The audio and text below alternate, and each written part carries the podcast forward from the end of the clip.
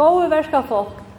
Fyrst av öllum vil jeg takka fyrir den heir a sleppa bera fram røv i her av vaklunnen i dag. Og jeg sauna i her i dag for å koma ved med grei om båskapet. Verska folk er i sina lønverd. Til hetta og bardein fyrir tog og åker hat her halda nu 1. mai. Og er i åker lønverd og åker har oppe båre viriligar arbeidsomstøver. Til ta ikkje ødel Det er då ikke ut så vil jeg virkjenne dette. Ta avstendur så er politikere og stjårer, kjøtre råsåkom. Men meire løn og bedre arbeidskår, tår alt av vanligt av åkestanda vi bittande setningen ur Oliver Twist. Please sir, can I have some more? Og Sverige er størst, ikke start arbeidsen til i Oliver Twist fyr. Som fagfellas farfolk vil jeg og andre ofte skurt og rymelig og krevjande. Og å få skått i skakvannar at karmron er lagtor, og det kan ikkje være hoksingur om eina rettvisa lønarhakkan, til at penigur er ikkje til stier. Søvan er til sama kvirja for åker til samrøyngar. Er det tøyina rinkar som manglar penkar? Er det tøyina gåar som må utrasselnar haldas attor, og lønnen kan til heldur ikkje vaksa ta? Og fer ein bolkur meira, ja, så vil ødel hinne hava ta sama. Tøy bør det slett ikke til å rette nekran skarvleika. Og vi vet at åker heva starvsøkje her folk ikke få at her lønna som de er verdt. Hette er ikke noe galtande innan omsorgene geiran. Det har vært atter og atter stedfest at økje skrutjar etter arbeidsmeie. Øtler er sant om hvordan tøtningar mykje økje er og at de som arbeid innan økje heva oppebåret hekste viring. Og vi kommer bare ikke liv av åren om viring. Viring som man eisne kommer til kjantar i gjeron. Og må komme til kjantar i meire løn og betre arbeidsomstånd, til som ødlom kunnot rindar viringen ikke oppa smør, smør oppa breie.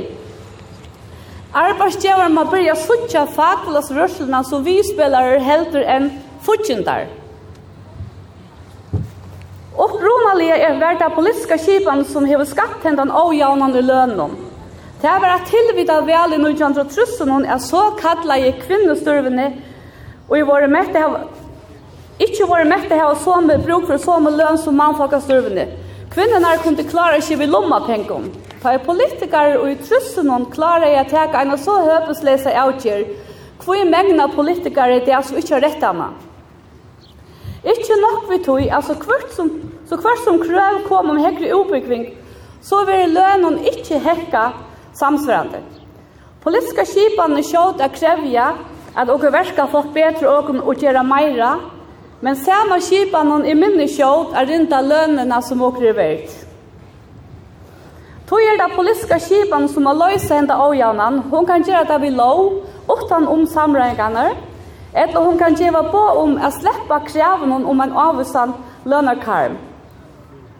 Vi lønarkarmen er alt fast frist, Anki brøytust og åker hava ikkje verilige fralsar lønarsamrøyngar. Her vi er det ågjørelt av retta nekka skavlekar, og til heldur ikkje gjørelt av bruka lønna gjer det mer lakkandi arbeid her, og i åker har bruk for flere folkum. Arbeidsgjevar og sujan tåsar ofte om tutningen av utbøy og ettersporinje, og hvordan hetta kan gjeva og retta prysun. Hvor skulle jeg lønarsamrøyngar så styrast av noen karmi? Er det bare prøyserna vøren som slipper å hakka, medan prøyserna arbeid skal stande til sted? Hittje åker etter fagfulla søvne, så vidt dere ødel at det ikke bare lønnen i var en kardinalspurninger, men arbeidsomstående eisene. Danska slæåret, gør din plikt, krev din rett, sier det jo så rammande. Åker har vært overført av gå og gjort åker skilte. Arbeidsløse er og har langa tog vært søvelige lokt. Om det så er eika byrur vegna korona som rukker langt inn i privatlivet, skal jeg være arbeidstøyer eller teka et eika tørn vegna manglande arbeidsorske, ja, så hev og arbeid. Nå da så eisen jo partiene at og krever og rett. Her er det særlig tvei retten til og eier heva og i for å komme nå. Retten til fotlandsarbeidsbrøk, altså 8 timers arbeidssted, og stytt i arbeidsvike. Öll som innskja til at jeg har møllegane arbeid og fotla tøy. Arbeidsgjeveren kan ikke påstande at han er uviring for de arbeid og gjøre, og så samfunnet være så tregur at jeg har fått til retten til fotla fotlatøy. Det er ikke tæt noen viring til arbeidsgiver ikke ikke vilja gjøre folk ikke fotstar, bare at det er lettere å legge skjema i om folk arbeider parstøy. Det er ikke rett rævfest til en vil gjøre det lettere til Excel-arkenen og verre til folk ikke at få boskapen å hanga sammen. Jeg stand her som kvinna, fagfellas kvinna, og det som alltid har vært galdande er at dere kvinner er arbeidsmarknaden, tog han verre, hava verre lønnerkår enn mennene. Altså, nok var åkken arbeid parstøy, er en stor parst av troplagene. Og i munnen egna felagi er pensjonsmåneren en god million og en arbeidsliv i mittelen teg, som arbeid en brøk av 0,6, og i munnen til fotlatøy. Er det bare at han må ryke at han skal løse seg arbeidet? Hvordan kan man verja slukke en samfunn som skrutcher etter arbeidsmeier? Hvordan kan nekar finne på å fåra folk som ikke at jeg arbeider fotla tog?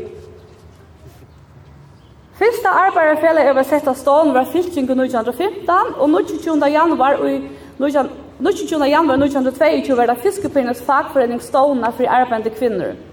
Håvast ein ult er fjerde om hava kvinner ikkje funnet lykka gå kår som menn. Kins og javnum er eisen en parst av stattarsrunnen. Erika Heifield, lektare av setrunnen, sier i røve og en helt kvinnetern i år, at åker må få et omsorgende samfunnet. Et samfunnet har omsorgene vært nok fremre ræfest, og her i omsorgene har et høyt sosialt vire, men eisen et høyt fortjallet vire. Hette er ikke bare nægget har vært godt for kvinner, det er eisen løst sosialer forengar fyrre, at mannflokken viser vise omsorgen.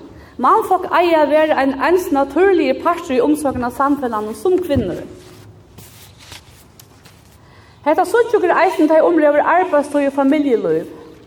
Ein av dem meira takka vekjande nye støvnene i kanningen om fire måneder i vansar vi har stitt om arbeidstøyene og i eisen og fagfellegi omboi var vi til å fortja var at de fått gjøres foreldre så vil jeg bare kvinnan og mæren arbeida minne Det vil jeg be i være sammen ved bøttene og kjasser. Kvinnan gjør dette. Hun finner i tøy og er sammen ved bøttene. Med over den hinveien, han får opp i tøy. Ta kvinnan arbeider minne, så hanker til fortsatt ikke sammen, og tøy nøyes med over den arbeider mer. Med over den mister så stod tøyene sammen ved bøttene, og han ikke heva, og kan omgå til få han etter. Det er ikke et velferd samfunnet å tvinge folk å velge mellom familie og arbeid. Vi i noen heva, så er det ikke realistisk at be i foreldrene arbeider fotla tøy, utan at det gonger til salarhelse, familie, perle eller ulltrøy. Tog må også stitta arbeidsvikene. Fjerde åker til 23 timers arbeidsvike, så er det 6 timer mer om vikene til familiene som tar som arbeider fotla tog. Hette er en risa måneder. Lønnen gjørst eisne rettvisere, Det er ofta lavlønte som arbeider parstøy, er kan nærre arbeide fotlatøy, og lønnen vekser tøsje samsverande. Som så kan det eisene bli realistisk til som om kvinnerne er fjerde opp i tøy, og mævren for mølagene være mer hjemme. Vær det løs at færre nyre tøy var dårst for samfunnet, så er det korsene vært av verst. Tøyene vi familien får åker ikke atter til henne fjerde. Men det har vært eisen stedfest i overnevnte kanning at kostnaderen for jeg nye sette arbeidsvikene ikke er overstyrer, stårer. Sannlagt vil det eisen i førjen en så en vil se ærestene og åker fyrir har sær til åkon at kostnaderen er så mye løytel at han teler alle avgåvene vi enn å stitte i arbeidsviket og visser så ligger ein det ein okvilja vi nulltaler. Tøy er det en sjálvfylgja at heter en retter og greier fåa, og til ongan tøy for kjøtt. Fagfelagsrøye er sprellivande og suttje åker i allar fagfelagsrørslene og åker må køyre enn meir åker arbeidsgjøver. Samfellet er brøytust avhaldande og arbeidsomstående må fylltja vi. Tan fortjallige viringen er ser at tar for å oppnå til verska folket. Jeg suttje det i mine virke og åker suttje til atla stedene. Korona visste jo ikke greit, det var folk i omsorgene av krampa og tjeneste folk, folk i framlesle, som troliga får til arbeids. Det har vært hese folkene vi har steg framme og sett seg i vant og under farsåttene. Og jeg finner jeg vite at verska folkene var hetjur, men hetjuløn kunne hetjurnar ikke få. Og jeg sier at leier vil løntor eika for at her eika innsats vi på noen skipan og er ymsonslega. Hvor sess det ikke eisen til arbeid til folkene? Her har andre bån og skipan veri, og ei heldre nega kom i eike lønner på seg til samregningene. Ta i avstender vil det vanta at det arbeidende folk gjør sine skilder og vel ut i betea, men andre retten til fylgja vi. Fagfellags struje til endar omgantøy. Alt og ofta er det også fagfellags folk som må lære arbeidsgjøren dansa, sjokk om det er han som skal kipa. Alt og ofta sutja okkur grei sottmala brot. Alt og ofta få okkur ikkje røtte lønene. Alt og ofta skulle okkur gjøre eika arbeid utan gilta samsynning. Heldur ver okkur harstegi for å krevje okra rett. Og okkur er i verska folk og, er, og okkur er i okra lønverd. Og okkur har gjørst okra skilti og okkur krevje okra rett. Og okkur kvila herunum og strøynen tja taimen undan okkur. Så jeg søvann viser åkene av viring for for verska flott i rikki en. Og hvor krever jeg åkere rett, og hvor gjør det avholdende. Startar strøy i hvite er ikke av. Jeg vil bare heita til om verska flott som loje av. Læt fyrsta mai over en dag her og minna søvnene. Strøye, svarta bråtene, tårene, blåve, miste løyvene. Her og minna søvna, hitja et nutøyne og hitja inn i framtøyne.